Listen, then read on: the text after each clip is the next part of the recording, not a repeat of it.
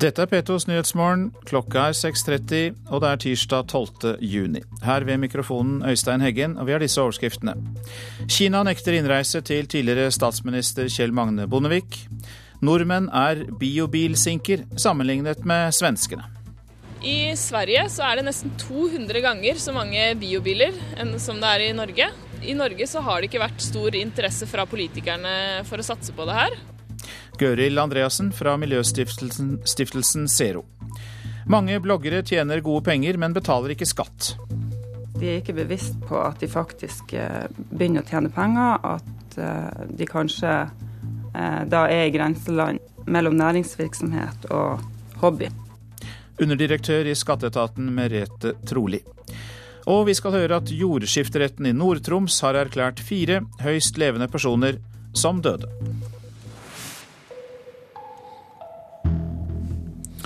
Kjell Magne Bondevik nektes visum til Kina. Han skulle deltatt på et møte i Kirkenes verdensråd i Kina, men ble nektet innreise ti år etter at han ble tatt varmt imot som Norges daværende statsminister.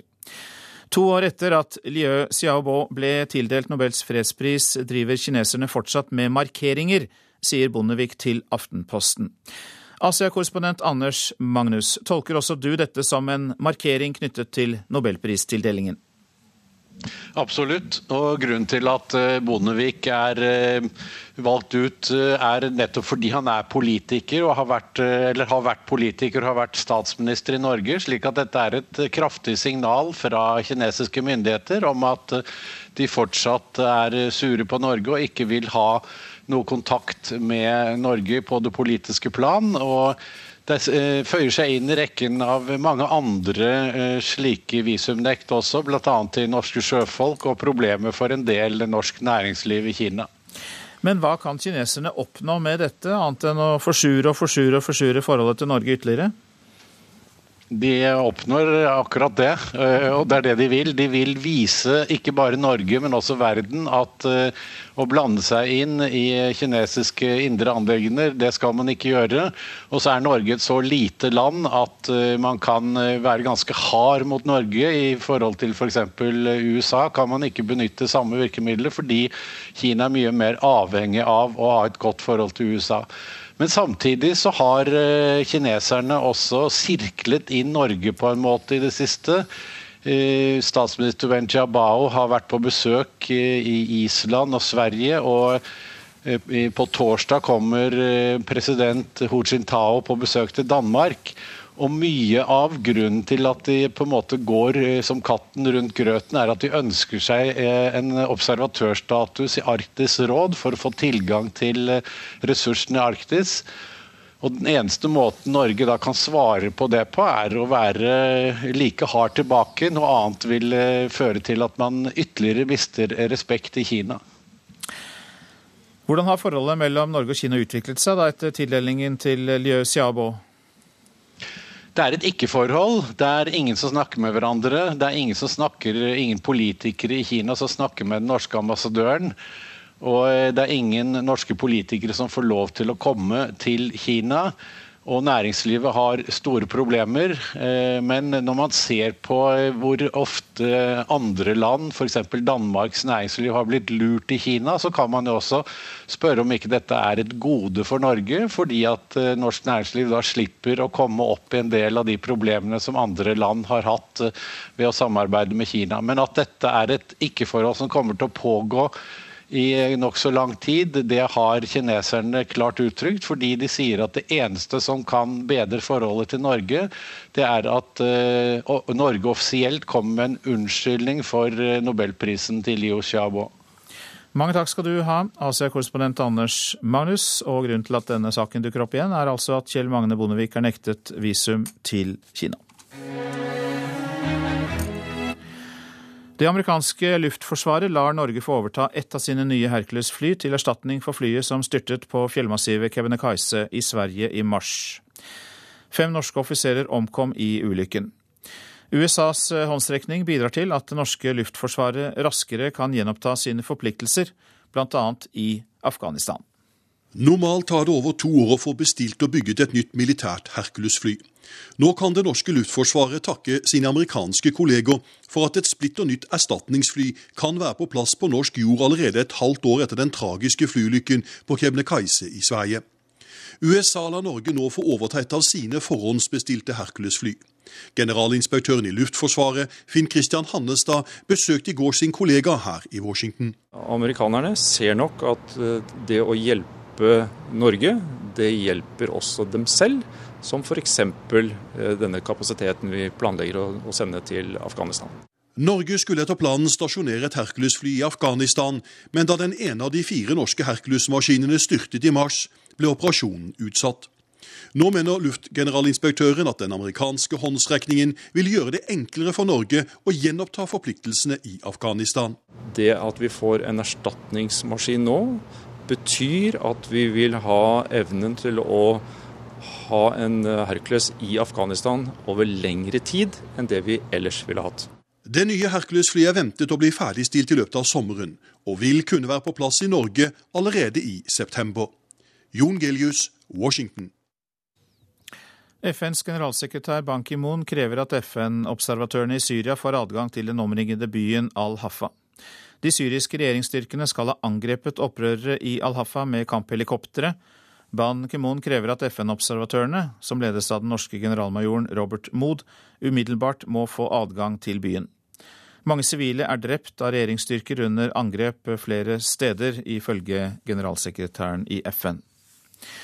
Så til miljø og biler. Eh, vi nordmenn er biobilsinker, mener miljøstiftelsen Zero.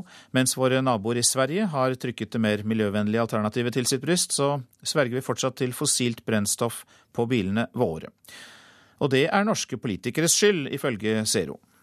Det er en eh, fem til seks stykker som er innom hver dag eh, og fyller.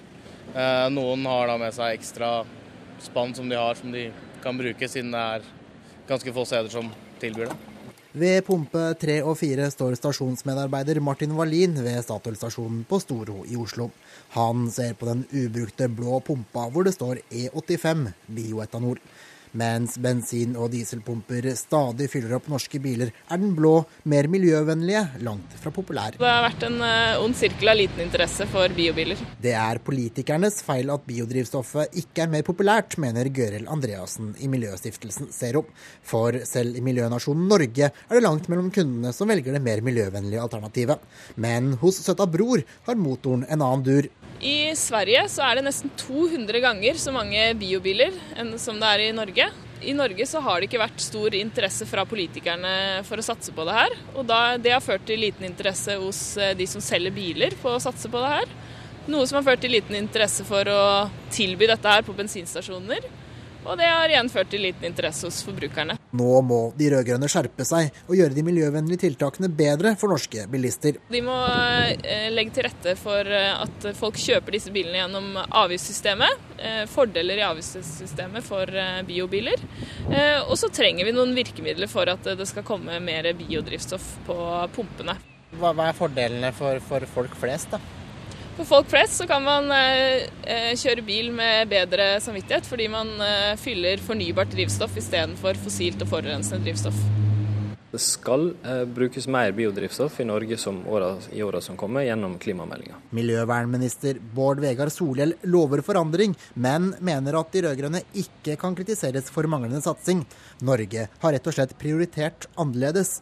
Norge har vi satsa veldig på elbil, og hatt eh, gode skatteregler og andre ordninger. Derfor har elbilsalget eksplodert, og vi er lederen i Europa på det.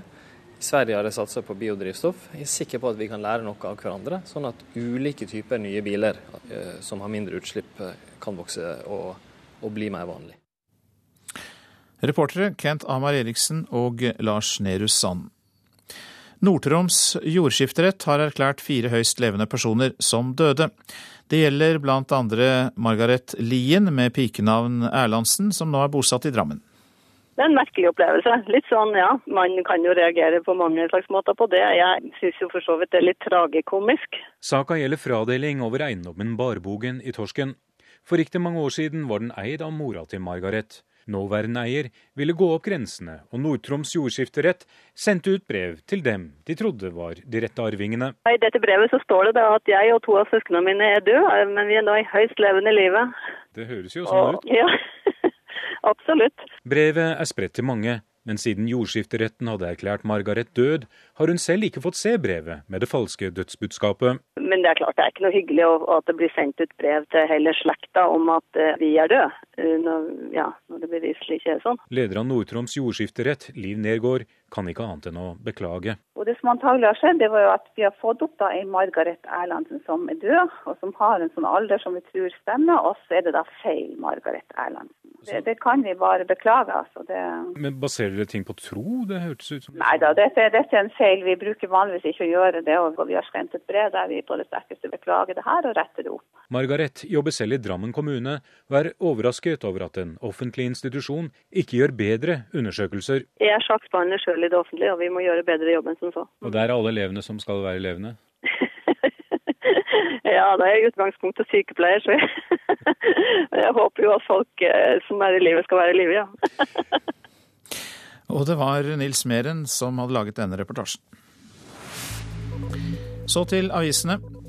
Hackere kan mørklegge landet, leser vi i Bergens Tidende. Alle hus og strømmålere i Norge blir koblet til samme system innen 2017, og da kan dataangrep lamme strømforsyningen i store deler av landet. Forskere ved Sintef advarer mot deler av prosjektet.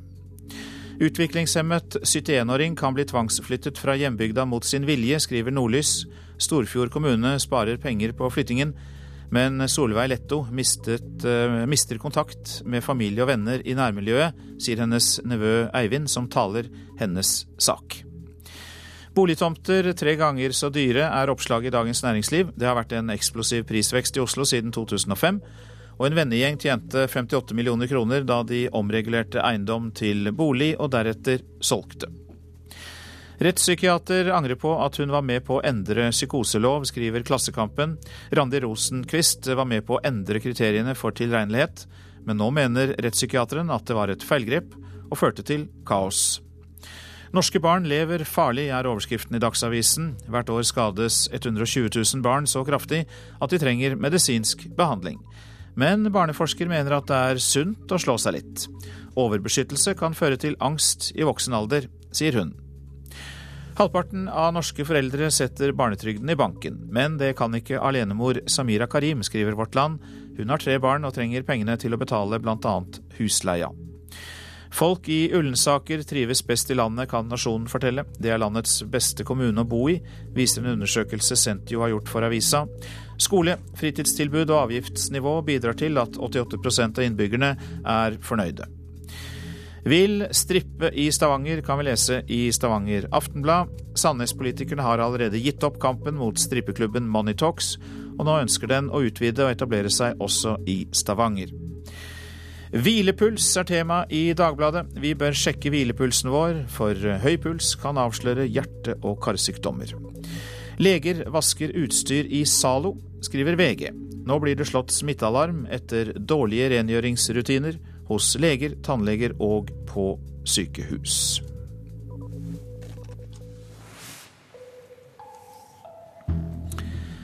Mange bloggere som tjener gode penger eh, på bloggen sin, kan ikke skattereglene, mener skatteetaten. De advarer nå bloggerne som ikke skatter av virksomheten sin, for skatteetaten følger, følger nøye med. Nå er vi på eh, operasjonsrom E-Hanne. I et lite rom hos skatteetaten i Bodø sitter dataspesialister og revisorer bak store dataskjermer hele dagen og studerer internettaktivitet og norske blogger. Det for å passe på at bloggerne ikke slurver med reglene. Vi ser at ikke alle bloggerne er bevisst på skatteregler i det hele tatt. De er ikke bevisst på at de faktisk eh, begynner å tjene penger, at eh, de kanskje da er i grenseland mellom næringsvirksomhet og hobby. Sier underdirektør i skatteetaten Merete Troli. Blogging blir stadig mer kommersielt. Flere har mange tusen lesere og tjener gode penger fordi de er en ettertrakta reklamekanal. Eh, det vi ser, det er at, um, at noen ikke er registrert i merverdiavgiftsregisteret sånn som de skal. Man har òg sett um, at inntekter ikke er oppgitt generelt på, på selvangivelse. Hva er konsekvensen for de som bryter reglene? Nei, I første omgang eh, så informerer vi, og så um, gir vi dem mulighet til å rette opp det her. Så følger vi det opp, sånn at hvis at vi ser at samme feil gjøres to ganger, så kan vi da gå inn med å etterberegne både skatt og merverdiavgift. Unge bloggere er de som kan minst. Nå har skatteetaten spesielt fokus på å informere de om reglene. Vi er ute allerede på videregående skoler og informerer via et prosjekt som kalles spleiselaget.no. Reporter Eirin Årdal. En som har fulgt eh, bloggermiljøet i mange år, det er du, Thomas Moen, kommunikasjonsrådgiver i marketingbyrået Dist, og du eh, kommer snart med bok om bloggerne i Norge også. Så hva tror du bloggerne kan om skatteregler? Jeg tror de kan overraskende lite. Eh, jeg synes Det er kjempepositivt at de nå går ut og informerer på skoler og sånn, for det tror jeg er etterlengta. Er det gjerne de unge bloggerne som kan minst? Det er vel kanskje naturlig å tro det? Ja, det er min erfaring, absolutt. Og det, de finner det også veldig vanskelig å finne en god oversikt på et språk de forstår. Eh, så jeg forstår godt også at det kan være vanskelig å sette seg inn i. Eh, men dette er noe som er veldig viktig å sette seg inn i hvis man først driver med blogging og vil tjene penger. Så da syns jeg det er kjempepositivt. Jeg vil vel tro at du driver med blogging selv, Thomas Moen? Det gjør jeg, absolutt. ja. Tjener du på det? Ja, altså jeg, jeg tjener på å holde, holde foredrag om blogging, og blogger om blogging, så, så, jeg tjener penger på bloggen min, og det har jeg gjort i veldig mange år. Eh, og jeg er også veldig påpasselig med å eh, rapportere inn alt som skal rapporteres inn, selvfølgelig. Ja, for her kan det jo dukke opp inntekter som eh, ikke er opplagt blir innrapportert. Altså hvis du har en sommerjobb, så går jo det automatisk inn til skatteetaten, men i dette tilfellet så er det jo mange løse tråder som eh, ikke skatteetaten får tak i. Absolutt. Det er jo bloggerne selv som skal rapportere inn. Og det gjelder ikke bare ting de får penger for, men også gaver de mottar, gjerne ufrivillig, i posten. Der bare merker og sender de for at de skal omtale det. Så det, det er ganske uoversiktlig. Det kan også bli veldig mye jobb for uh, unge mennesker å forholde seg til å rapportere inn alt dette. Da. Så hvis en rosa-blogger får en lekker uh, parfyme i posten fra en leverandør til la oss si 500-600 kroner, så skal den rapporteres inn? Den skal egentlig rapporteres inn. Alt sammen som man mottar, skal rapporteres inn. Hvordan skal de nå ut til disse unge, unge bloggerne, skatteetaten? Eh, det at de er ute i ungdomsskolen synes jeg er kjempepositivt. Jeg syns også at de må jobbe med å gjøre nettsidene sine mer eh, oversiktlige og på et språk som eh, ungdom kan lettere forholde seg til. Og jeg tror også sånn som vi som jobber med blogging, sånn som boka mi som kommer ut nå neste uke, og sånn som bloggsamfunn, må være også med å ta ansvar og være med ut og informere på en, på en enkel måte, da, hva som man forholder seg til og ikke. Hvor mange er det som tjener penger på å blogge i dag? Har du noe oversikt? Det er ikke veldig mange. Eh, vi kan si at det er kanskje en 15-20 stykker som kan leve av bloggen fullt og helt som en, som en jobb. Og så er det nok eh, oppi rundt kanskje 1000 mennesker som klarer å da tjene litt ekstra penger. Eh, det man kanskje vil tjene på en sommerjobb på å blogge, f.eks.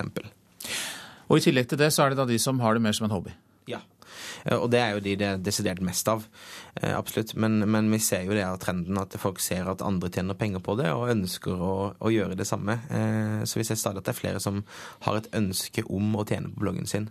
Men det er fortsatt ganske lite marked. Men jeg syns det er kjempebra at de nå følger med og lærer opp disse unge menneskene. For det er jo sikkert mye å ta inn når man er 18-19 år gammel og plutselig begynner å tjene penger på blogging, og hva man egentlig skal forholde seg til og ikke så er det vel kanskje en opplagt sannhet, eh, Thomas Moen, at eh, blogging er framtida? Det er i hvert fall en, eh, en, del av framtiden, og det gjør jo at folk får mulighet til å uttrykke seg. Og det fins kjempemasse positivt rundt blogging. Eh, og det er ikke bare sjampo og sminke og sånn som det blogges om. Det blogges om masse temaer, og det er bedrifter som blogger, og det er en, en bransje som er i vekst, og som er kjempepositiv. Mange takk for at du kom, Thomas Moen, kommunikasjonsrådgiver i marketingbyrået Dist. Dette er Nyhetsmorgen, og klokka den passerte nettopp 6.49, og dette er hovedsaker. Kina nekter innreise til tidligere statsminister Kjell Magne Bondevik. Mange bloggere tjener gode penger på bloggen sin, som vi nettopp hørte, men betaler altså ikke skatt, og det skal skatteetaten sjekke nærmere nå. Nordmenn er biobilsinker, mener miljøstiftelsen Zero. Det er 200 ganger flere biobiler i eh, Sverige.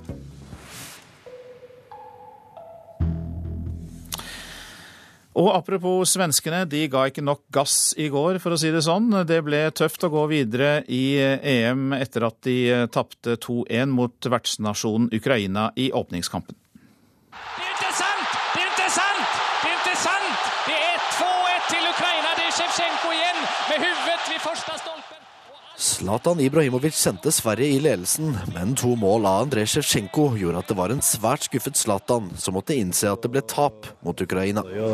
Jeg liker ikke å vi men vi forlører matchen. og Vi tar ledningen 1-0 og så får vi 1-1, 2-1 imot oss. og eh, Ingen bra første halvlek. Vi bruker ikke spille sånn som vi, vi spiller normalt. Andre funker mye bedre. Men når alt vel började bli bra, så fikk vi mål emot oss, och så fikk vi 2-1. Altså. Og vi forlorer. Det blir tufft nå. Uppförsbacke nå, det er klart. Det sier midtstopper Olaf Melberg, for historisk sett har Sverige aldri gått videre med tap i åpningskampen. Sebastian Larsson har allikevel ikke gitt opp håpet om svensk avansement. Det er klart at det er betydelig tøffere enn en, en innan matchen. Men vi vet hva vi må gjøre. Nå får vi forsøke å smelte det her så godt det går og, og gå, gå, videre. Og så eh, komme ut og se til å gjøre det vi måtte mot England. Reporter Patrick Roland. Ny struktur for politidistriktene. Det kommer et forslag til det i en stortingsmelding til høsten. Samlokalisering og sammenslåing blir da stikkord. I fjor valgte lensmannskontorene i Ørsta og Volda på Sunnmøre å være under eh, samme tak, og den samlokaliseringen viste seg å gi gode resultater. Det er litt til kasse, sier jeg. Vi har ikke fått flytta alt på plass. Det lukter nytt i gangene, og det er fortsatt en del ting som skal på plass før de nye lokalene til lensmannskontoret for Ørsta og Volda er helt klare. For selv om de ble samlokalisert i fjor, er det bare én måned siden de fikk slippe inn her. Så er det spesialrom inne her til de som så er det lydisolert. Ja. Ja. Det gaver, da, så slipper vi å ta dem inn på kontorene som vi gjorde før. Løsninga med samlokalisering er det nest beste etter sammenslåing. Så derfor skal de etter hvert gjøre seg opp en mening om de skal gå over til sammenslåing, slik at den ene lensmannen blir overført for en mer aktiv tjeneste, medan den andre fortsetter som lensmann. Ja, og da spørs det jo hvem av de som sitter igjen på høvdingplassen. Det har vært sagt før, vikingtida gikk ikke med to høvdinger under samme tak. Da lå den ene igjen, men sånn er ikke det her. Vi utfyller hverandre. Der er noen også som sier at til eldre du er, til bedre leder er du da. Og det ser man i veldig mange eh, aktiviteter. Og i næringslivet for øvrig at de på 70 er vel kanskje de som er mest aktive, iallfall i media. Så da lurer jeg på hvem som er eldst av dere? Eh, Nei, Hvis ikke du ser det, så har Jostein eldst. Tips som går på kriminalitet og sånne ting, sånn at vi har oversikt. Og så kan vi jo Oi sann. Her kan du vel kanskje høre en telefon som vibrerer midt inne i intervjuet. Det er nok Guttorm sin. Ja, da er jo det en fordel å være to lensmenn. Ja, ja det heter jo NRK, så. Det var vel sånn dagene. Nå er det positivt at han fikk han får telefon. Da kan du ta over på intervjuet. Ja, ja, han kommer fort inn. Ja, jeg skal bare gjøre ferdig et intervju. Jeg har muligheter nå til å få inn et par ord. Snakkes her. Politibetjent og tillitsvalgt Even Håvik mener at samlokaliseringa har ført til et bedre miljø. Jeg merker på, på de ansatte og og medlemmene mine, for å si på den måten, i og med at jeg er tillitsvalgt, at eh, dette her er bra. Og det blir mye bedre når alt får gå seg litt til. da. Det er ikke bare de ansatte og lensmannshøvdingene som er nøyde. Også folket i de to bygdene synes å være positive til denne løsninga. Så lenge det fungerer, så er det helt i orden for meg at de slår seg sammen. For det kan spare kostnader. Jeg tror de får et trivelig arbeidsmiljø. For vi er så nære Volda Ørsta at jeg synes det er helt i orden. Jeg synes det høres fornuftig ut. Mellom opprigg av persienner på lunsjrommet og opphenging av bilder av tidligere lensmenn på veggene, gleder Hagen seg over situasjonen de nå befinner seg i. Det å starte en endring kan være litt vanskelig, men når en har gode prosesser og er i gang med det, så ser en at det går bra likevel. Og det har vi fått til her. Vi skal møte framtida med det vi har her. Lensmann Guttorm Hagen til reporter Maria Holand Tøsse. Prisen for festivalpass på de store pop- og rockefestivalene er doblet de siste fem til seks årene. Og publikum har seg selv å takke, sier bookingsjef i Bylarm Joakim Haugland.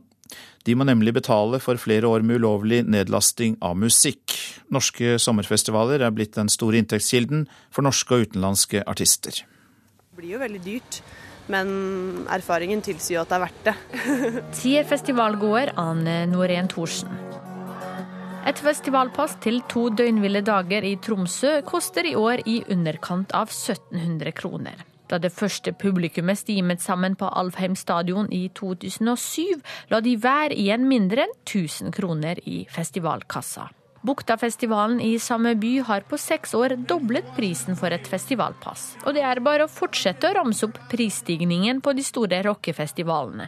Fra bukta i nord til Hovet i sør. Dette er prisen for ulovlig nedlasting av musikk, sier bookingsjef i Bylarm Joakim Haugland. Media og de som piratnedlaster har jo sagt veldig enkelt at ja, men artistene de tjener jo penger live. Så det har på en måte blitt en sånn en opplest og vedtatt sannhet eh, om at man tjener penger der og ikke på platesalg lenger. Platebransjen er jo faktisk de eneste som var, fra første dag sa at vi har et produkt som faktisk har kosta penger å produsere, og vi må ha penger for det. Eh, og det ser man jo igjen når man da betaler billetten. Så helt på slutten av dagen så tror jeg nok kanskje at eh, vi nå alle betaler på sommeren for den eh, som var.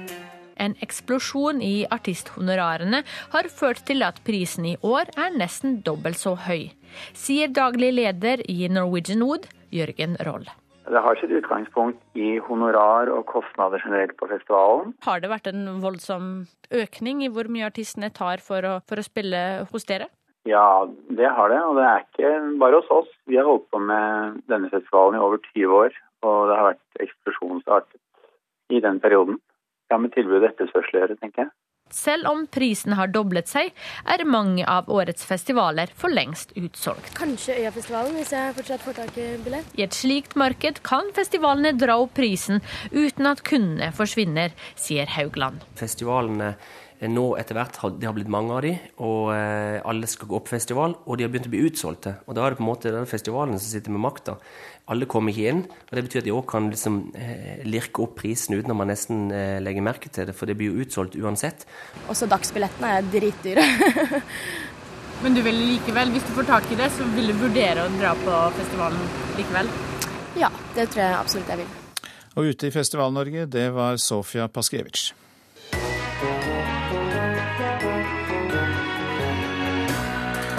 Sommer blir det quiz på P2 hver formiddag.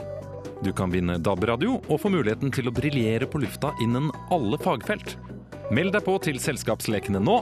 SMS til 1987 med kodeord 'Selskapet', eller send en e-post til Radioselskapet krøllalfa nrk.no.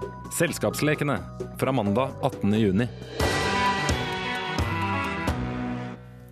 Så værvarselet. Fjell i Sør-Norge, perioder med sol, men enkelte regnbyger. Også størst byggeaktivitet i ettermiddag. Østlandet og Telemark i indre strøk skiftende skydekke og enkelte regnbyger, mest i ettermiddag. Utrygt for torden på Østlandet, for øvrig få eller ingen byger og perioder med sol.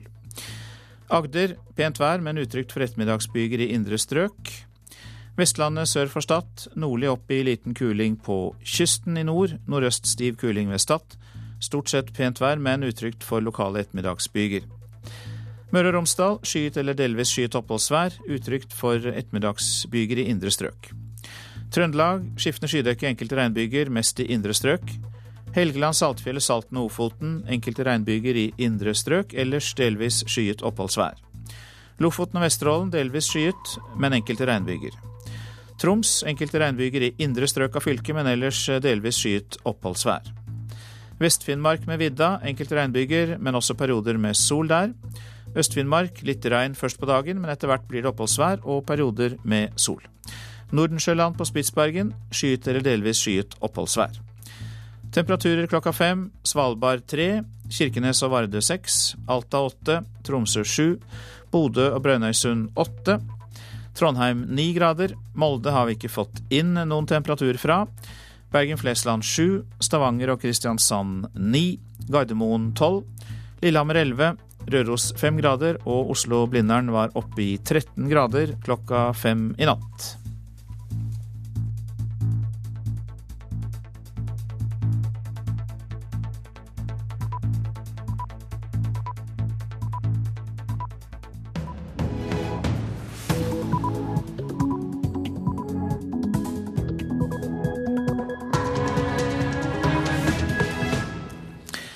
Klokka er sju, og dette er P2s Nyhetsmorgen. Her er Øystein Heggen i studio i dag med en nyhetsoppdatering som lyder slik. Kjell Magne Bondevik nektes visum til Kina, ble nektet innreise ti år etter at han ble tatt varmt imot som Norges daværende statsminister. Det eh, føyer seg inn i rekken av mange andre eh, slike visumnekt også, bl.a. til norske sjøfolk og problemer for en del norsk næringsliv i Kina. Asia-korrespondent Anders Magnus. Børsens negative respons på redningspakken til Spania i går var overraskende. De ble overraska over det her, og ikke minst overraska over hvor spesifikt det fort utvikla seg negativt for Spania og for, og, og for spanjolene, altså den spanske stats, da. Analysesjef i Swedbank First Securities, Paul Ringholm. Det amerikanske luftforsvaret lar Norge få overta ett av sine nye Hercules-fly til erstatning for flyet som styrtet på fjellmassivet Kebnekaise i Sverige i mars. Oljearbeiderstreiken koster 30 millioner kroner i døgnet. Det er en del kritiske operasjoner eh, som pågår, som gjør at streiken etter hvert vil kunne komme opp i milliardbeløp. Hvis streiken varer i ti døgn, så vil hele bevilgningen til oppgradering av jernbanenettet i revidert statsbudsjett ryke informasjonssjef i Oljeindustriens Landsforening, Kjetil Gjertvik. Og nordmenn er biobilsinker i forhold til svenskene i hvert fall. Det mener miljøstiftelsen Zero. Kjell Magne Bondevik nektes visum til Kina. Han skulle deltatt på et møte i Kirkenes verdensråd i Kina, men ble nektet innreise ti år etter at han ble tatt varmt imot som Norges daværende statsminister. Bondevik sier til NRK at han ikke fikk noen begrunnelse for avslaget. Jeg fikk uh, beskjeden at uh, ambassaden her i Oslo ikke hadde fått nødvendig autorisasjon uh, fra Beijing til å utstede et visum, og ellers ingen begrunnelse. Hvordan tolker du det? Nei, Det må jo være en politisk begrunnelse bak en slik visumnekt. Det ble jo tatt imot på høyeste hold da jeg var der som statsminister for uh, knappe ti år tilbake. Og jeg har vanskelig for å skjønne noe annet enn at det må henge sammen med at uh, Liu Xiaobo fikk uh, tildelt Nobels fredspris for et par år tilbake. Jeg hadde jo ingenting med tildelingen av den å gjøre, men jeg uttalte meg jo positivt til at han fikk den. Men at Kina holder på med slike markeringer såpass lang tid etter dette, det er for meg ganske uforståelig. Tidligere statsminister Kjell Magne Bondevik ser et tydelig mønster. Ja, det gjør eh, det. Fordi det er også flere andre som etter denne nobeltildelingen har fått nekta visum, bl.a. Eh, noen stortingskomiteer. Og eh, jeg registrerer jo også at den politiske dialogen mellom Norge og Kina nå eh, foregår på et eh, lavt og ikke et høyt politisk nivå. Så dette er nok et mønster. Utenriksminister Jonas Gahr Støre sier til Aftenposten at UD har tatt saka opp med kinesiske styresmakter. Bondevik mener det som skjer er uheldig for forholdet mellom Norge og Kina. Det er i hvert fall uheldig. Og jeg syns eh, det er uheldig for forholdet Norge-Kina, og det er uheldig omdømmemessig for Kina. Og jeg skjønner ikke hva de tror de kan oppnå gjennom dette. Kjell Magne Bondevik til reporter Håvard Grønli. Børsenes negative respons på redningspakken til Spania i går var overraskende. Det sier analysesjef i Swedbank First Securities, Paul Ringholm. Det EU håpet skulle bli en jubeldag på verdens børser, endte med skuffelse. Nå venter markedet i frykt på valget i Hellas til helgen. Det var ingen som jubla da klokka på den amerikanske børsen signaliserte stengetid i går kveld norsk tid. Redningspakka på nærmere 100 milliarder euro fra EU til Spania skulle ha ført til en opptur for markedene.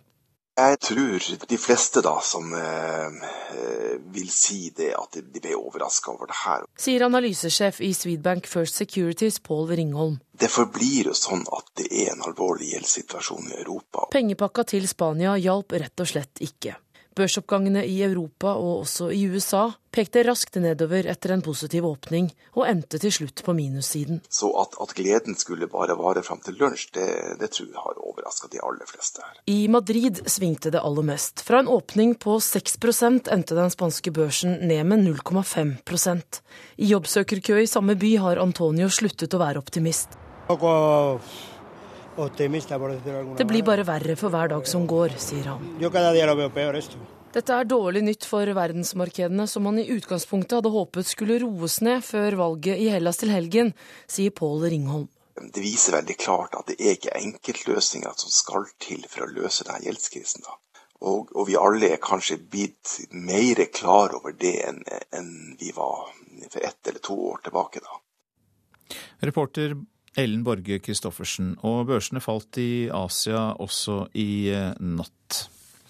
Streiken i oljesektoren koster 30 millioner kroner i døgnet, viser utregninger fra Oljeindustriens Landsforening.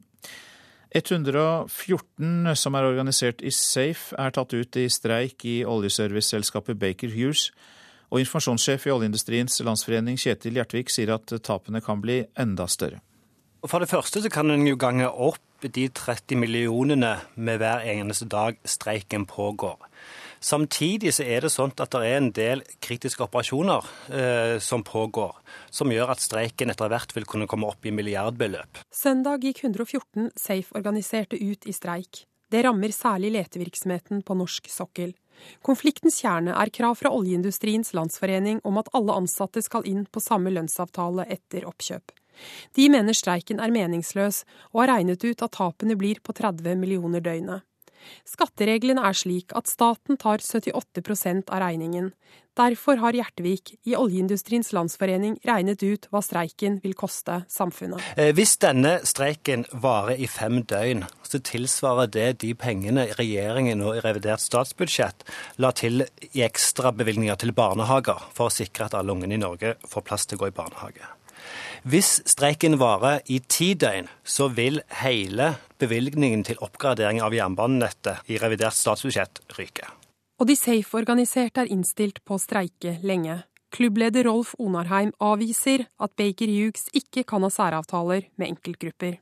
I Baker Hughes er det òg særavtaler som uh, tydeligvis lever sitt gode liv. Vi har sikkert dobbelt så mye betalt per måned, de som er på lederne sin særavtale. Vår avtale den har vi hatt i 31 år. Har jobba den fram gjennom mange oppgjør. og Den sletter da Baker Hughes, OLF, med pennestrøk. Mens avstanden mellom partene er fastlåst, stenges leteaktiviteten på flere plattformer. Oljeselskapet Sentrika er et av de som blir rammet. På torsdag blir aktiviteten på riggen Vest Alfa stoppet. Vi har omtrent en 30 dager igjen til vi ferdigstiller brønnen, men eh, det blir jo nå utsatt. Nå legger dere rett og slett et potensielt oljefunn på vent? Ja, Det vil gjerne dra den litt langt, men eh, det er klart det, det vil få eh, fremdriftskonsekvenser for oss. og Det er det ingen tvil om. Reportere det var Berit Aalborg og Inger Johanne Stenberg. Rettssaken mot eh, Anders Behring Breivik dreier seg i disse dager i liten grad om drapsmannen. All oppmerksomhet rettes mot de sakkyndige og den rettsmedisinske kommisjonen. Psykiatrispesialist Pål Hartvig syns det er uheldig å være vitne til at det nå nærmest er psykiaterne som sitter på tiltalebenken. Ja, man kan godt si det sånn uten å være unødig tabloid. Det er rart, fordi de er jo egentlig enige om at eh, Breivik har en vesentlig mental forstyrrelse. Enten han blir dømt tilregnelig eller utilregnelig. Og at han i alle fall, pga. at det er stor gjentakelsesfare, vil bli ivaretatt i mange tiår fremover. Så er det på en måte litt rart at, eh, at dette med diskusjonen rundt tilregnelighetsbegrepet blir så sterkt eh, opppumpet, for å si det sånn. En etter en har nestorene i norsk psykiatri inntatt vitneboksen i Oslo tingrett.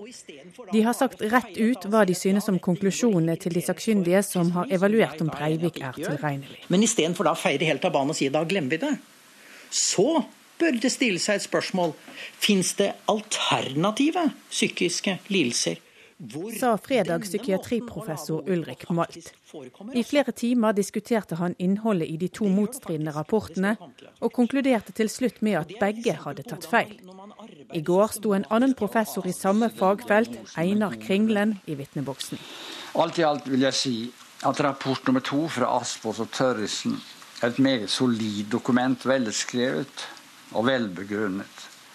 Jeg forstår ikke hva Den rettsmedisinske kommisjon har å utsette på denne erklæringen.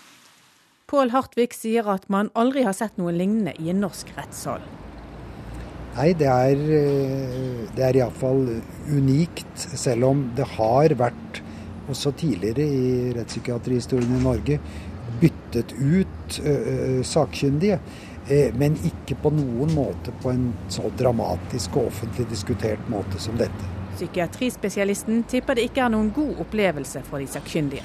Det er helt opplagt at de viktige aktørene her, og ikke minst de to som gjorde den første erklæringen, jo må eh, ha eh, kan vi si, vanskelige opplevelser eh, i, i, retten. Og likeledes kanskje i neste omgang også Den rettsmedisinske kommisjon, hvis det kommer direkte kritikk etter hvert mot hvordan de har håndtert dette. Reporter Merete Jansen, og i dag er det nettopp Den rettsmedisinske kommisjonen som skal forklare seg i eh, tingretten. Klokka den eh, er snart eh, sju over Nei, tolv over sju. Og dette er hovedsakene. Kina nekter tidligere statsminister Kjell Magne Bondevik å reise til landet. Børsenes negative respons på redningspakken til Spania i går var overraskende, mener analytikere. Og nordmenn er biobilsinker, mener miljøstiftelsen Zero. Det er 200 ganger flere biobiler i Sverige.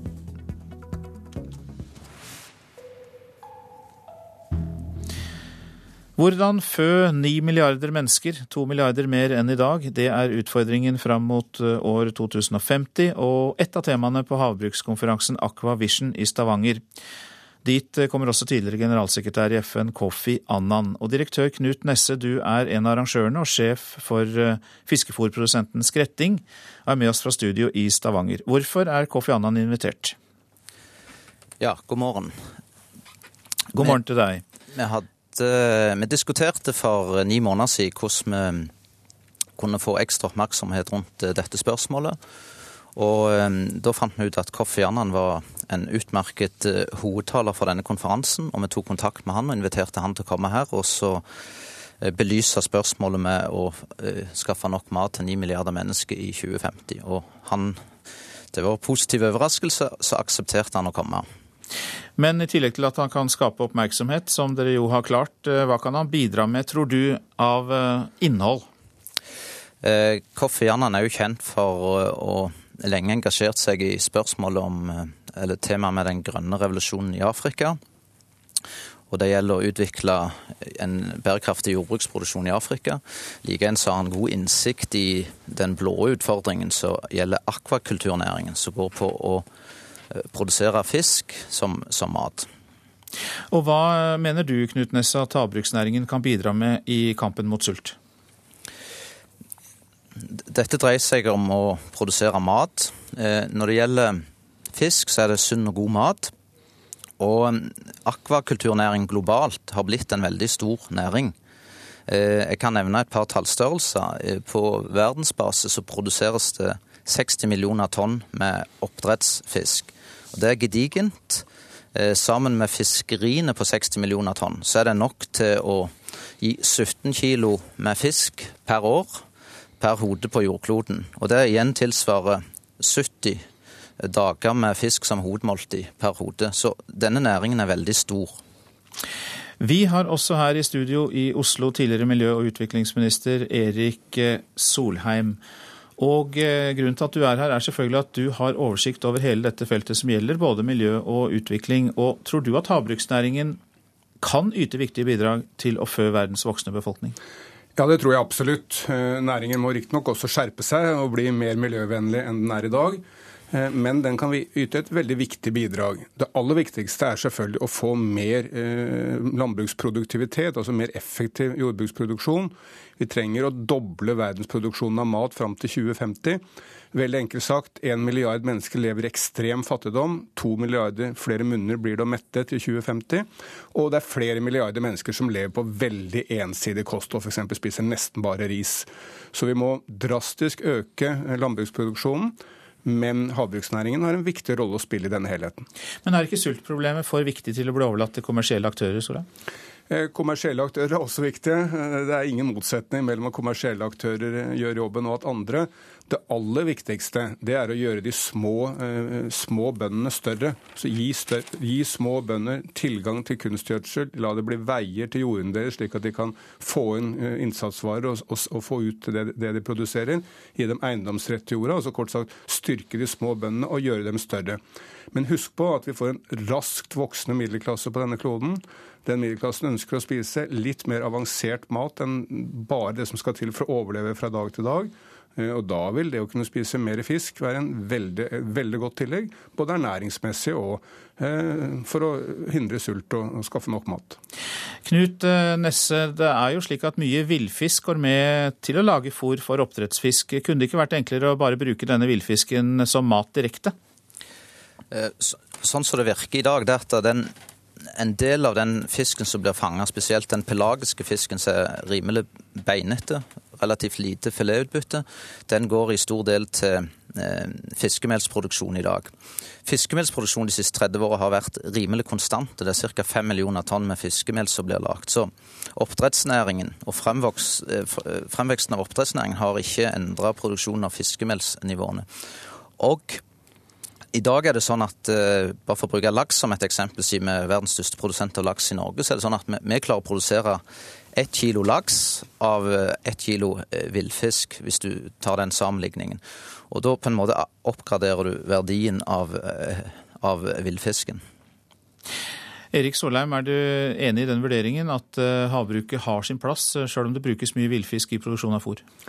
Ja, jeg er enig i den vurderingen.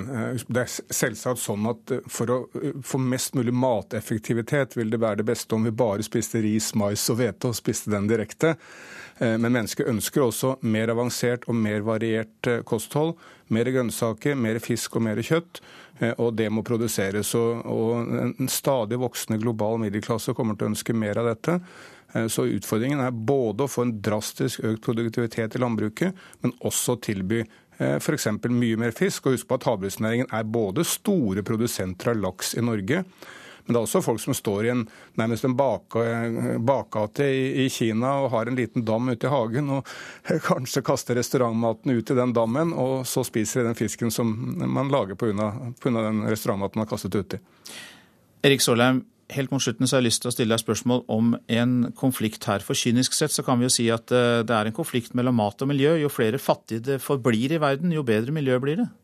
Nei, det er ikke sånn. Det er verdens rike som, som forbruker verdens ressurser, ikke de fattigste. En, Så den konflikten godtar du ikke? Overhodet ikke. En, en, enkelt eh, børsmegler på Wall Street med en massiv levestandard forbruker for tusenvis av fattige afrikanere. Så det er de rikes forbruk som er problemet, ikke de fattiges. Vi lar det stå som eh, siste replikk der, fra tidligere miljø- og utviklingsminister Erik Solheim. Og hjertelig takk også til deg, Knut Nesse, som altså da er sjef for fiskefôrprodusenten Skretting. og eh, vel også da overtar som sjef for hele det internasjonale konsernet Nutreco fra høsten. Stemmer ikke det, Knut Nesse?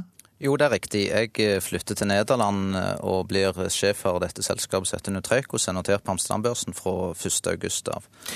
Takk skal dere ha, begge to.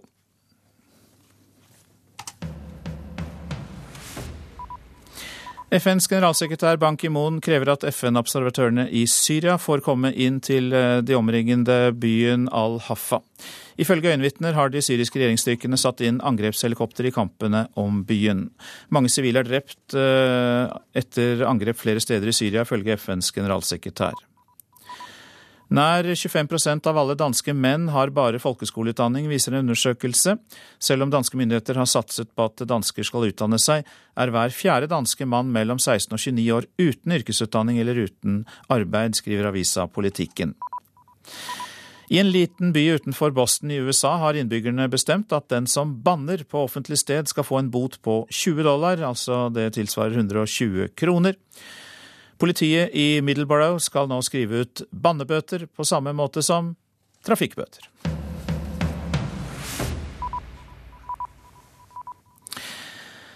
På Russlands uavhengighetsdag, som da er i dag, er det planlagt en større demonstrasjon i Moskva mot president Vladimir Putin, og i Warszawa frykter myndighetene sammenstøt når Polen møter Russland i fotball-EM i kveld. I går gjennomførte russisk politi husundersøkelser hjemme hos flere opposisjonelle i Moskva. Og du er med oss, eh, Moskva-korrespondent Hans-Wilhelm Steinfeld. Hva slags aksjoner ble gjennomført av russisk politi? Jo, eh, tre av lederne for den eh, kaotiske demonstrasjonen 6. mai fikk konfiskerte PC-er, minnepinner og informasjonsmateriale. Den fjerde var ikke til stede da det kom til sammenstøt her 6. mai. Det er datteren til den avdøde borgermester Anatolij Sabtsjak i St. Petersburg. Mannen som brakte Putin inn i russisk politikk. Hans datter Ksenia eh, Sabtsjak ble også tatt inn i går, og alle fire må møte til forhør i dag. Dermed kan de ikke delta i dagens demonstrasjon, etter alt å dømme. Jeg regner med at det ikke blir noen bøter mot banning i Russland, Hans Wilhelm Steinfeld, som vi hørte om fra denne lille byen i USA nettopp. Men eh, Putin har satt opp betydelig høyere bøter eh, for brudd på reglene om demonstrasjoner. Ja, den loven ble signert eh, fredag. Og nå, hvis du bruker vold mot offentlig tjenestemann under demonstrasjoner, kan du bli bøtelagt opp til en årslønn. 6. mai ble det veldig mye bråk her i Moskva, men det var politiet som blokkerte tilgangen til demonstrasjonsstedet på Myrplassen. I dag er det Sakharov-avenyen som er møteplassen. Det er en lovlig demonstrasjon, og det er knyttet stor spenning til hvordan politiet kommer til å håndtere dagens demonstrasjon. Vet du noe mer om uh, hva demonstrantene legger opp til, hva opplegget er for markeringen i dag? Ja, dette er et forsøk på å vise at eh, opposisjonen lever. De prøver å avpresse Putin eh, en oppmykning. Han har strammet til etter han tiltrådte 7. mai som president. Og forholdet mellom gatedemonstrantene og Putin er betydelig verre enn forholdet var til forrige president Dmitrij Medvedev. Og så er det da et møte i kveld eh, mellom eh, Polens gamle erkefiende Russland i eh, fotball-VM i Warszawa. Og ja, hva tror du om risikoen for sammenstøt der? Faren består fordi fotballfanatikere, eller det vi kaller fotballpøbel, er ofte bærere av aggresjon både her i Russland og i Øst-Europa ellers. Men i går samlet polske og russiske fotballtilhengere seg sammen og nedla krans på ofrene i Polen for Katyn-massakren, slik at det er forsoning på gang. Og forholdet i dag mellom Polen og Russland er brakt i orden av forrige president Medvedev. Så vi får jo håpe at det blir et rent sportslig oppgjør. Det går bra for Russland. De slo eh, Tsjekkia 4-1, og håper naturligvis stort at de klarer å dunke polakkene også her i Russland. Skal du se på kampen, Hans-Wilhelm Steinfeld, på TV-en? Det, det, kan du skrive opp. ok. Mange takk for at du var med oss. Så til eh, presserunden. Kjell Magne Bondevik nektes altså visum til Kina, det skriver Aftenposten i dag. Bondevik skulle deltatt på Kirkenes verdensråds møte i Kina. Hackere kan mørklegge landet, leser vi i Bergens Tidende. Alle hus og strømmålere i Norge blir koblet sammen til, et system i 2017, og da kan dataangrep lamme strømforsyningen i store deler av landet. Forskere fra Sintef advarer mot deler av det prosjektet her. Boligtomter tre ganger så dyre er oppslaget i Dagens Næringsliv. Det har vært en eksplosiv prisvekst i Oslo siden 2005, og en vennegjeng tjente 58 millioner kroner da de omregulerte eiendom til bolig og deretter solgte. Rettspsykiater angrer på at hun var med på å endre psykoselov, skriver Klassekampen. Randi Rosenquist var med på å endre kriteriene for tilregnelighet, men nå mener rettspsykiateren at det var et feilgrep og førte til kaos. Norske barn lever farlig, er overskriften i Dagsavisen. Hvert år skades 120 000 barn så kraftig at de trenger medisinsk behandling. Men barneforskeren eh, forsker mener at det er sunt å slå seg litt. Overbeskyttelse kan føre til angst i voksen alder, sier hun. Folk i Ullensaker trives best her i landet, kan Nasjonen fortelle. Det er landets beste kommune å bo i, viser en undersøkelse Sentio har gjort for avisa Nasjonen, altså. Skole, fritidstilbud og avgiftsnivå bidrar til at 88% av innbyggerne er fornøyde. Vil strippe i Stavanger, kan vi lese i Stavanger Aftenblad. Sandnes-politikere har allerede gitt opp kampen mot strippeklubben Money Talks, og nå ønsker den å utvide og etablere seg også i Stavanger. Hvilepuls er tema i Dagbladet. Vi bør sjekke hvilepulsen vår, for høy puls kan avsløre hjerte- og karsykdommer. Leger vasker utstyr med Zalo, skriver VG. Nå blir det slått eh, smittealarm etter dårlige rengjøringsrutiner hos leger, tannleger og på sykehus.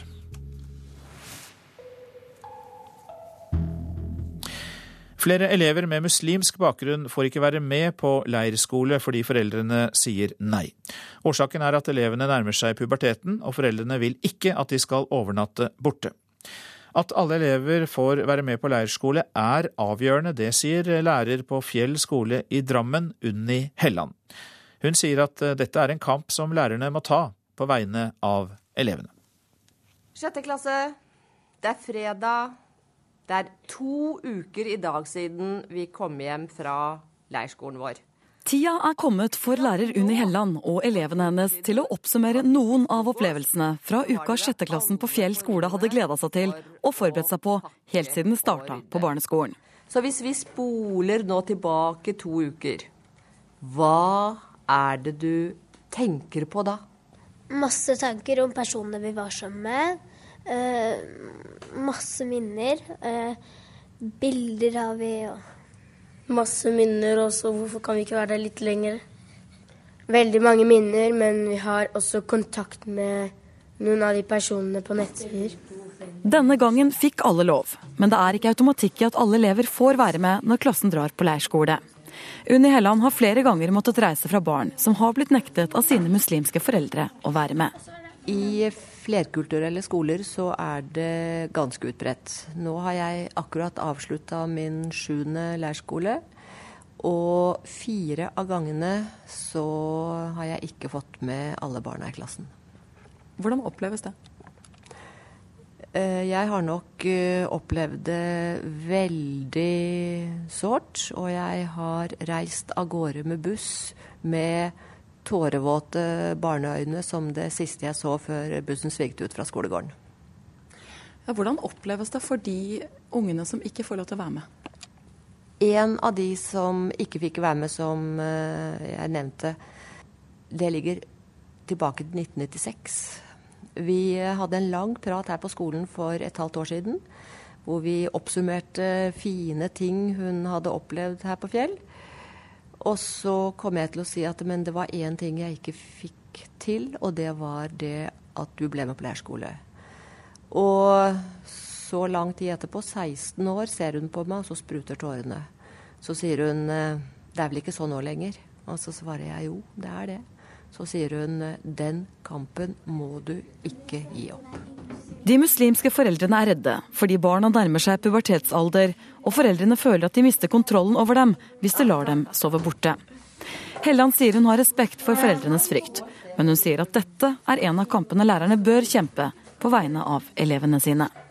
Jeg syns det er en av de kampene som er viktigst når det gjelder minoritetsfamilier som reagerer annerledes enn etnisk norske fordi dette er nytt, fordi dette er vanskelig, fordi dette er truende. Og jeg tenker sånn at jeg har forventninger om at foreldre skal skjønne hvor viktig det er. Og hvis vi ikke har forventninger til minoritetsforeldre, da er det rasistisk. For da har vi ikke tro på dem. Men skal man ikke ha respekt for at foreldrene er redd for dette her og ikke vil sende barna sine?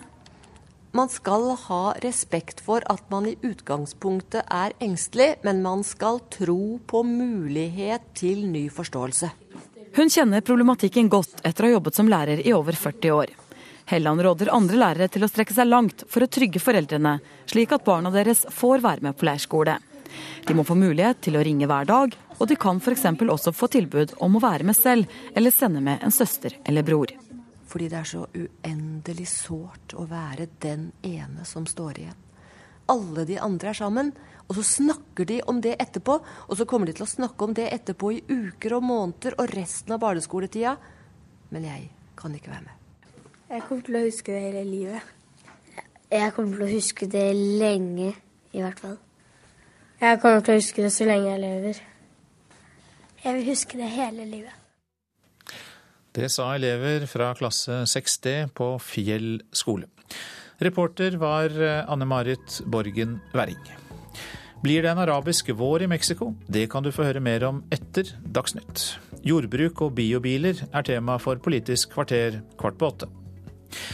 Prosent for Nyhetsmorgen i dag, Jan Erik Bjørnskau. Her i studio, Øystein Heggen. Og eh, Anne Skårseth gjør seg klar til å ta oss inn i Dagsnytt om få sekunder.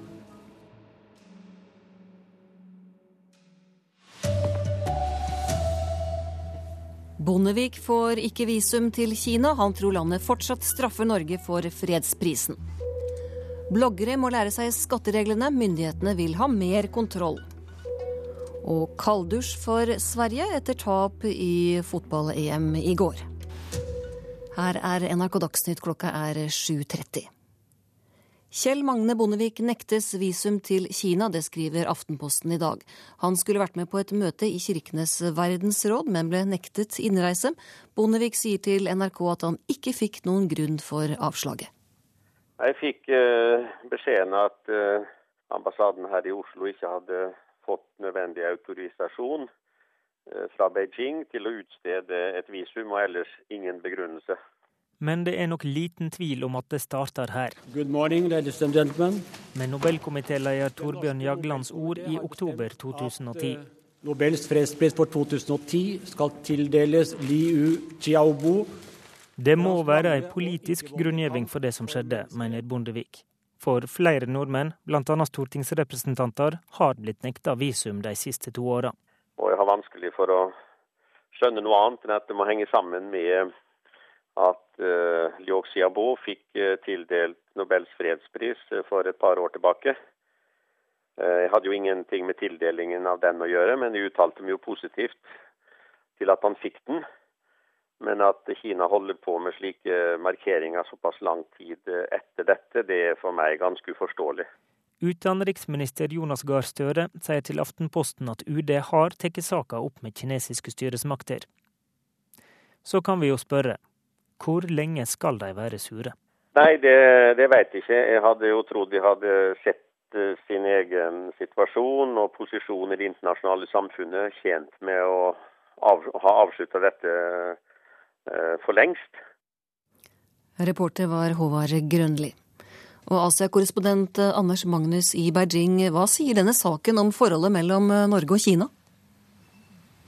Det er fortsatt iskaldt, og dette er et klart signal. Bondevik eh, har vært en høytstående politiker, og på den måten sender man et kraftig signal til eh, hele Norge om at eh, forholdet mellom Norge og Kina er like dårlig som det var, ble etter tildelingen av Nobels fredspris.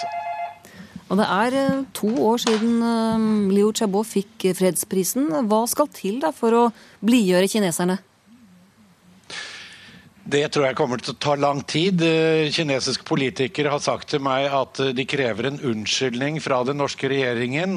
Men samtidig så ser vi at eh, de, den kinesiske presidenten skal besøke Danmark på torsdag, og statsministeren har vært i Island og Sverige.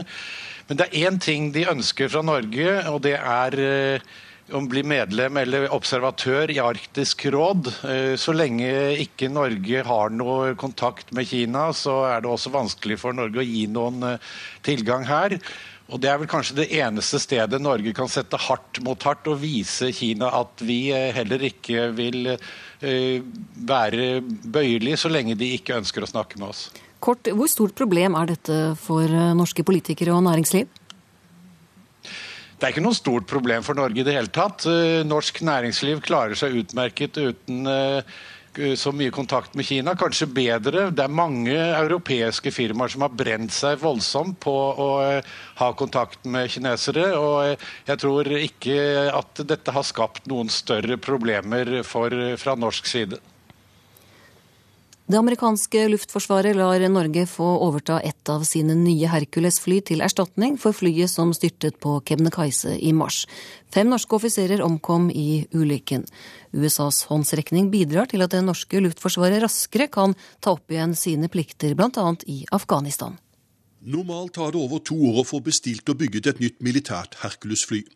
Nå kan det norske luftforsvaret takke sine amerikanske kolleger for at et splitter nytt erstatningsfly kan være på plass på norsk jord allerede et halvt år etter den tragiske flyulykken på Kebnekaise i Sverige. USA lar Norge nå få overta et av sine forhåndsbestilte Hercules-fly. Generalinspektøren i Luftforsvaret, Finn Christian Hannestad, besøkte i går sin kollega her i Washington. Det at vi får en erstatningsmaskin nå, betyr at vi vil ha evnen til å ha en Hercules i Afghanistan over lengre tid enn det vi ellers ville hatt. Korrespondent Jon Gelius. FNs generalsekretær Ban Ki-moon krever at FN-observatørene i Syria får komme inn i den omringede byen Al-Hafa. Ifølge øyenvitner har de syriske regjeringsstyrkene satt inn angrepshelikoptre i kampene om byen, og mange sivile er drept etter flere angrep i Syria, ifølge FN. Mange bloggere som tjener gode penger på bloggen sin, kan skattereglene for dårlig. Det mener skatteetaten, som advarer bloggerne som ikke skatter av sin virksomhet. Og skatteetaten vil følge nøye med. Nå er vi på eh, operasjonsrom E-Hanne. I et lite rom hos skatteetaten i Bodø sitter dataspesialister og revisorer bak store dataskjermer hele dagen og studerer internettaktivitet og norske blogger. Det for å passe på at bloggerne ikke slurver med reglene. Vi ser at ikke alle bloggerne er bevisst på skatteregler i det hele tatt. De er ikke bevisst på at de faktisk eh, begynner å tjene penger, at eh, de kanskje da er i grenseland mellom næringsvirksomhet og hobby. Sier underdirektør i skatteetaten Merete Trolig. Blogging blir stadig mer kommersielt. Flere har mange tusen lesere og tjener gode penger fordi de er en ettertrakta reklamekanal. Kommunikasjonsrådgiver i marketingbyrået DIST, Thomas Moen, har studert norske blogger i flere år. Hva kan bloggere her i Norge om skatteregler? De kan, de kan overraskende lite. Han mener det er rosabloggerne, unge jenter som skriver om livet, klær og sminke, som har minst greie på reglene. Altså det, kan, det får konsekvenser med å få straffeskatt og betalingsanmerkninger og, og masse andre ting som er en dårlig start for unge jenter som skal ut i arbeidslivet. Reporter Eirin Årdal.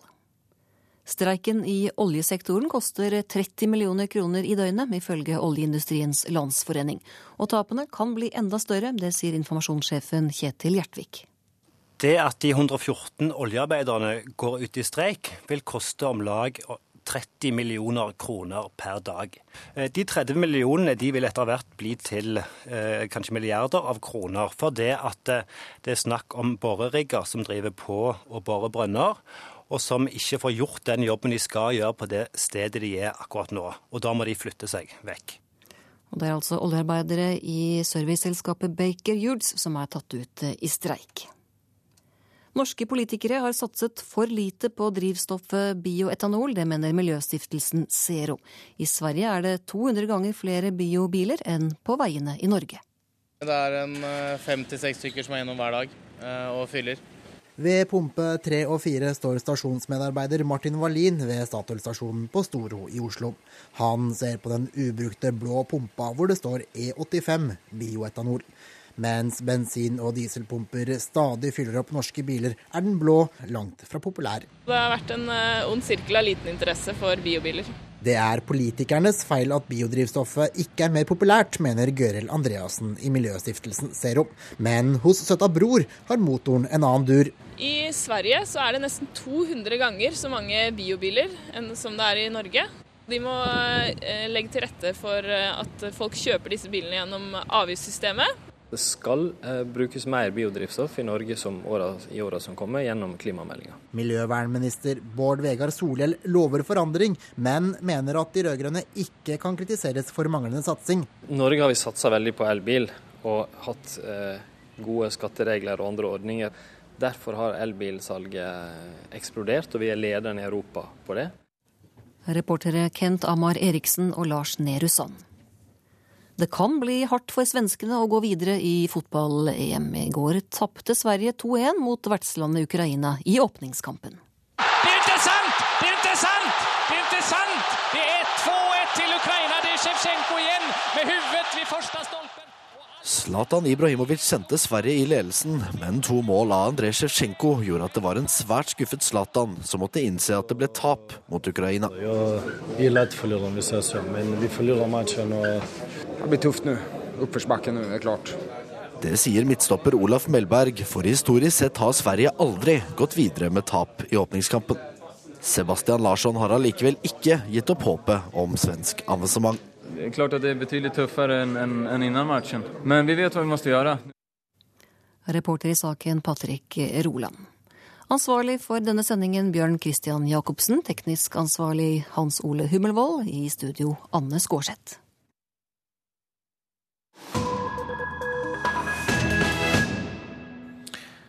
P2s Nyhetsmorgen lytter du til. Til Mexico nå, for i eh, hovedstaden der demonstrerte mer enn 90 000 mennesker i helgen mot mannen som ligger best an til å bli landets neste president etter valget 1. juli. Studentbevegelsen som sto bak demonstrasjonene, blir av flere omtalt som Mexicos svar på den arabiske våren. Tu país y el mío está sufriendo. Vivimos sumergidos en una crisis profunda. Landet vårt lider, vi har sunket ned i en dyp krise, sier denne mannen i en video på internett.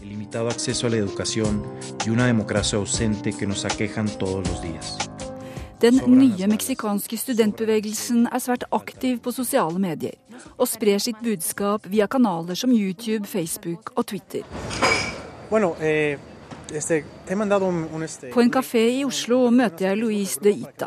Han er meksikansk, men bor nå i Norge. En ung mann med sølvgrå dressjakke, svart skjorte og jobb i et internasjonalt datafirma. Han er en typisk representant for den nye meksikanske studentbevegelsen. Velutdannet og fra mellom- eller overklassen. Luis bidrar til å spre bevegelsens budskap internasjonalt. It happened because uh, the, the problems, the violence in Mexico has escalated so much uh, uh, Bevegelsen startet fordi volden i landet har eksplodert, sier Louise. Det skjer samtidig med tøffe økonomiske tider, som gjør at folk med utdanning heller ikke får jobb. Og den brutale narkovolden har nå også spredd seg til rike familier som min, sier Louise. Eh, la obligación del Estado mexicano de combatir al narcotráfico. Narkovolden er et sentralt tema i valgkampen. 1.7 skal meksikanerne velge ny president. Den nåværende presidenten, Felipe Calderón, startet for seks år siden en krig mot narkokartellene, og satte inn hæren for å prøve å knekke dem. Resultatet ble at voldsspiralen økte. Minst 55 000 er drept, og 20 000 sporløst forsvunnet siden den gang. Dette er lyden av starten på en studentbevegelse. Opposisjonspartiets presidentkandidat Enrique Peña Nieto som kan bli landets neste president, ble pepet ut av studenter ved et privat universitet i hovedstaden Mexico by i midten av mai. Peña Nieto er fra partiet PRI, som tidligere styrte Mexico i over 70 år, og som studentene mener fortsatt driver med maktmisbruk.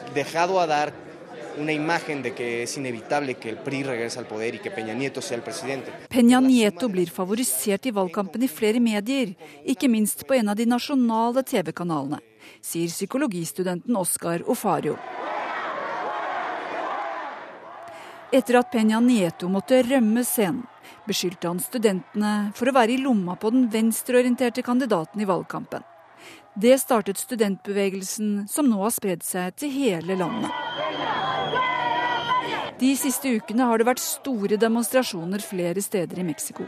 Peña Nieto, som ble pepet ut av studentene, ledet klart på meningsmålingene for få uker siden. Nå er gapet til venstrekandidaten Manuel Lopez Obrador minsket. Og Louise og mange andre nøler ikke med å kalle bevegelsen meksikanernes svar på den arabiske våren. It is, it is Men ikke alle er enig i det. Det er nok en overdrivelse, sier Kevin Middlebrook, Mexico-ekspert fra University College i London. På tross av alle problemene har Mexico et åpent demokratisk flerpartisystem, i motsetning til det som var tilfellet i mange arabiske land, mener Middlebrook. Men Louise og de sinte og engasjerte studentene er ikke i tvil. Dette blir en vår meksikanerne sent vil glemme.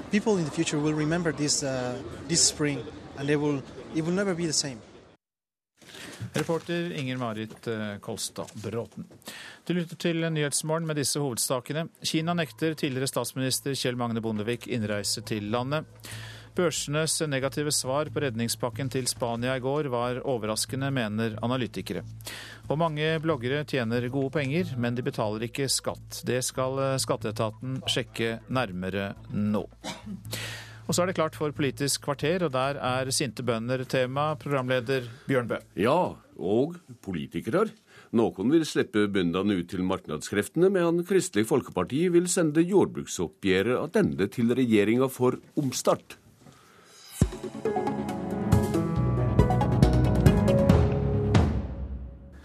Staten har tilbudt knapt 13 000 kroner per årsverk, mens andre grupper får over 17 000. Og når vi veit hvor langt etter landbruket ligger andre grupper, så er ikke dette det taktskiftet som vi ber om. Slik lydde det fra bondelagsleder Nils Bjørke da jordbrukstingingene brøt sammen 12. mai, og sinna bønder satte i gang aksjoner. Men i går ble det formelt klart at jordbruket må nøye seg med de pengene regjeringa bød fram, og som ble kalla et skambå. Kristelig Folkeparti lova å arbeide for mer penger i Stortinget, men nå, i tilrådinga fra næringskomiteen, nøyer partiet seg med å be om at regjeringa tar opp igjen tingingene med jordbruket. Dette må du forklare, stortingsrepresentant Steinar Reiten. Det var jo slik at uh, Stortinget er ikke forhandlingspart i jordbruksoppgjøret. Det er staten ved regjeringa som er det. Mm. Eh, og hvis eh, Stortinget skulle ha gått inn og begynt å forandre på rammene i oppgjøret, så ville det egentlig kunne forstyrre hele forhandlingsinstituttet. Så Derfor har vi altså valgt å be regjeringa om å ta en runde til med organisasjonene. Og Da tyder det vel at det mener regjeringa bør eh, gi mer penger i en slik eh, runde, som det selvsagt ikke får flertall for i Stortinget? Ja, vi mener det. For det er jo akkurat som vi hørte Bjørke sa her i stad, at nå er det statens første tilbud som kommer til å bli banka. Og det vil si at bøndene vil få en inntektsvekst per årsverk på ca. 13 000 kroner. Mens andre grupper eh, etter streiker og forhandlinger faktisk eh, kanskje kan komme helt opp imot 20 000 kroner per årsverk. Du nytta det fine ordet forhandlingsinstituttet, men når det ikke lenger vil plusse på med penger i Stortinget, så er det kanskje fordi de er redde for at det kan havne i ansvar i regjeringsposisjon? Nei, det er det ikke for KrF sin del. Eh, vi har høy troverdighet ute i næringa for landbrukspolitikken vår. Eh, og det har vi tenkt å fortsette med. Så uansett hvem KrF skulle forhandle med om regjeringsmakt, så er landbruk et område der vi har svært lite å gi i forhandlinger. Irene Lange Nordahl fra Senterpartiet, det har fått mye tyn for veik innsats for bøndene. Hvordan er det å oppleve bondevennskapen fra Kristelig Folkeparti? Ja, jeg vil eh, bare slå fast at Senterpartiet er opptatt av å slå ring om forhandlingsinstituttet, og vi er opptatt av å slå ring om eh, jordbruksavtalen. Eh, og når KrF nå tar til orde for å sende tilbake tilbudet eller oppgjøret til til eh, regjeringa, så rokker det med forhandlingsinstituttet. Og det er det kun partiene som Høyre og, eh, og Høyre og Frp som vil tjene på. De ønsker å fjerne forhandlingsinstituttet. De ønsker òg kutt, eh, milliardkutt i jordbruksavtalen. De, de, vil svekke importvernet, og de vil svekke samvirket sin rolle. Så det KrF gjør, er eh, virkelig å legge til grunn eh, og, og sette i spill forhandlingsinstituttet, og det vil vi advare mot imot. Og vi vil også utfordre KrF. Hvordan skal de få gjennomslag for sin landbrukspolitikk med et samarbeid med Høyre og Frp, som de nå tar til orde for? Ja, så det, Reiten? Ja, nei, Det må jeg få kommentere. Altså, det Før det blir å snu saka fullstendig på hodet. For er det noe som kan forstyrre forhandlingsinstituttet, så er det jo hvis du får en situasjon der statens tilbud er så dårlig at bøndene faller til fote og bare godtar det, fordi at de vet at til sjuende og sist så er det statens tilbud som blir stående hvis de bryter. Så det er etter min mening å forstyrre forhandlingsinstituttet her. Eh, Irene Lange Nordahl, når du eh, nytter høvet straks til å advare eller gå i strupen på Høyre og Fremskrittspartiet, så kan det virke som en frestende på å endre fokus, rett og slett? Senterpartiet tar situasjonen i landbruket på stort alvor. Vi har lagt fram en landbruksmelding med ambisiøse mål. Det er vi opptatt av å fylle opp. Vi er opptatt av å ha landbruk i hele landet, og det er det arbeidet som vi er i gang med, og som vi vil fortsette på. Når jeg utfordrer nå KrF, så har KrF faktisk i sin innstilling i Stortinget tatt til orde for at det er den rød-grønne politikken som skal fortsette, og da må vi utfordre eh, KrF. Hvordan skal de få det til i et samarbeid med Høyre og Fremskrittspartiet? Fremskrittspartiet. Det er det viktig at vi får avklaringer rundt. Så er vi opptatt av å ivareta landbruket videre. Ja, da må vi høre med den tredje som er her i studio, Svein Flåtten fra Høyre. Du og Fremskrittspartiet har skrevet dere sammen om elleve framlegg i tilrådinga om jordbruksoppgjøret. Hva vil skje dersom det kommer til makta etter 2013? Ja, Det som vil skje, er i hvert fall at ikke vi vil gjøre noe med forhandlingsinstituttet. Og jeg tror at Irene Lange Nordahl må, i hvert fall hvis hun vil komme til enighet med KrF noen gang, så må hun slutte å fortelle usannheter om andre partiers uh, politikk. Vi har overhodet ikke sagt at vi skal ta vekk uh, jordbruksoppgjøret, men vi har sagt at vi vil se det mer i sammenheng med de årlige budsjetter, og det er en meget viktig distinksjon. Jeg hørte at Senterpartiet og Lange Nordahl fortalte det hele går til alle som ville høre på, at det var slik det var, det står det ingenting om i innstillingen. Mm. Og når det gjelder Kristelig Folkeparti, eh, så har jeg finlest både deres merknader nå til jordbruksoppgjøret og også til landbruksmeldingen.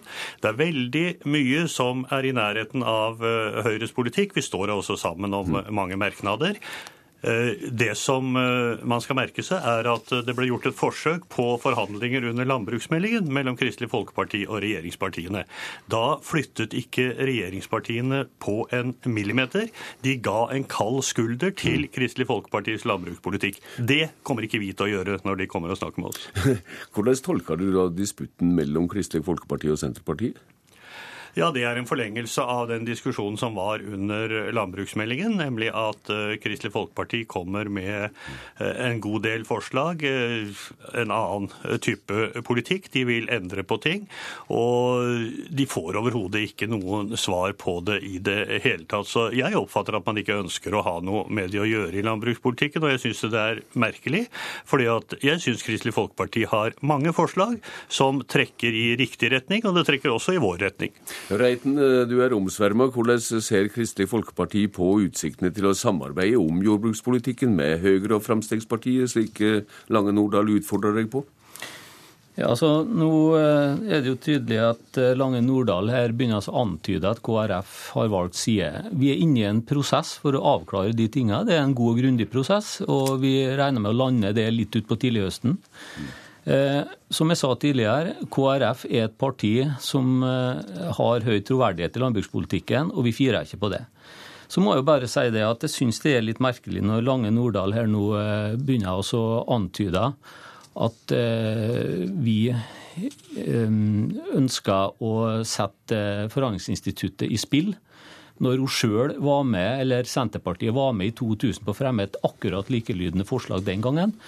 Da brøt òg bøndene forhandlingene, og da var det Senterpartiet, Venstre og Kristelig Folkeparti som ba regjeringa om å ta en ny runde med organisasjonene. Mm. Hvorfor er ikke det aktuelt nå, når det var helt grei politikk for tolv år siden? Ja, Lange Nordahl, vi skal snakke lite om fortida. La meg minne om at det vi står overfor nå, det er faktisk et flertall på meningsmålingen for de to partiene som ønsker å fjerne fundamentet for norsk landbruk, nemlig Høyre og Frp. Derfor har det aldri i historien vært farligere enn nå å rokke med forhandlingsinstituttet. Og det vil jeg advare KrF imot. Jeg tror at KrF har mye å tjene på å samarbeide med de rød-grønne, som de også sier i merknadene. De ønsker mer rød-grønn politikk eh, i merknadene, og viser til at inntektsutviklinga for landbruk landbruket har vært bedre under denne rød-grønne regjeringa, og ønsker å forsterke det. Det er vi opptatt av, og vi vil gjerne invitere KrF med på å gjøre det arbeidet videre. Men vi er utålmodige, og vi vil ikke sette forhandlingsinstituttet i spill. Det vil vi heller ikke gjøre på viktige områder som importvern, på samvirke og på det å holde landbruk i hele landet. Leder i Norges Bondelag, Nils Bjørke. Nå hører du Senterpartiet her fortelle om at de styrker jordbrukspolitikken og landbrukspolitikken. Nå er du med fra Lillehammer, der årsmøtet ditt åpner i morgen. Hva tenker du om det du hører fra politikerne her? Nei, Det er vel som så ofte før at det blir en voldsom diskusjon om form. Jeg er jo glad for at KrF er så tydelig på at de vil, vil løfte landbruket og peke på inntekter. Og som vi òg har sagt hele veien, så dette er ikke noe taktskifte for norsk landbruk, sånn som landbruksmeldingen legger opp til. Samtidig så syns jeg det er viktig å peke på at vi støtter fullt opp om, om forhandlingsinstituttet. Og vi kan ikke til å diskutere instituttet nå i en bråtsituasjon. Nå må vi forholde oss til det. Og det som jeg er glad for, når de ikke vil gi oss en ny forhandlingsrunde, det er jo at de her er så tydelige på både importvernet, på lov om god handelsskikk, og dette med at de vil lage en strategi for grovfòrbasert kjøttproduksjon. Men er det fremdeles like sinte for det som hendte i oppgjøret nå i vår? Ja, Vi er forundra over at en regjering legger fram en landbruksmelding og så en måned etterpå ikke følger den opp i, i jordbruksoppgjøret. Og gir oss mulighet til å følge opp den meldingen de sjøl har vedtatt.